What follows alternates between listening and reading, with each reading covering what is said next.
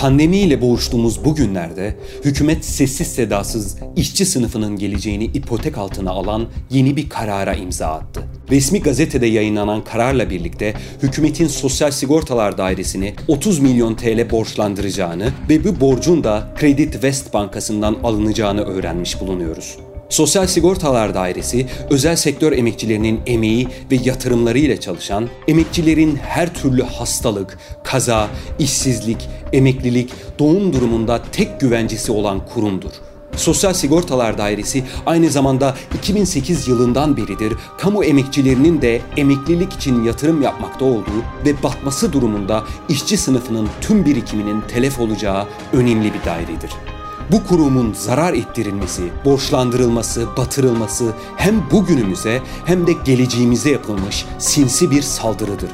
Sosyal Sigortalar Dairesi'nin borçlandırılması için gerekçe olarak gösterilen sigortalı maaşlarında ödeme zorluğu yaşanması ise hem gelmiş geçmiş hükümetlerin bilinçli olarak yarattığı bir durumdur hem de çok temel iki önlemle kolayca giderilebilecek bir sıkıntıdır. Sosyal Sigortalar Dairesi çalışmakta olan emekçilerin yatırımlarının patronlardan tahsil edilmesi yolu ile gelir elde eder. Oysa gelmiş geçmiş tüm hükümetler bu gelirlerin elde edilmemesi için patronlarla birlik olmuş ve sigortayı batma tehlikesiyle yüz yüze bırakmıştır.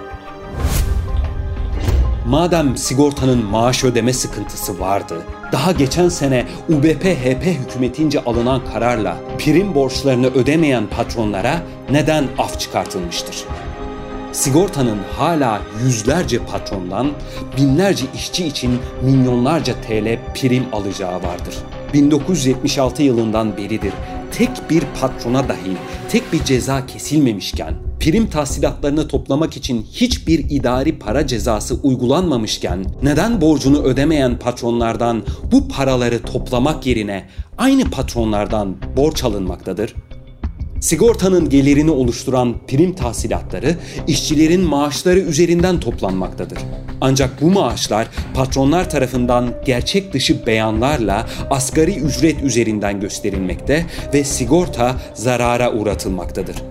Madem sigortanın paraya ihtiyacı vardır, neden yatırımların gerçek maaş üzerinden tahsil edilmesi için hiçbir şey yapılmamaktadır? Sigorta yatırımları sadece maaşlardan değil, ek mesailerden de oluşur. Ancak 2008 yılında CTP hükümeti döneminde geçirilen sosyal güvenlik yasasından sonra kamu emekçileri dahil hiçbir emekçinin ek mesai ödemelerinin yatırımları toplanmamaktadır sigorta yetkilileri yatırım yapmak isteyen patronları dahi geri çevirmekte ve yasal sıkıntı olduğu gerekçesiyle ek mesailerin prim yatırımlarını tahsil etmemektedir. 2008 yılından beri bu sorunu çözmek için neden hiçbir şey yapılmamıştır?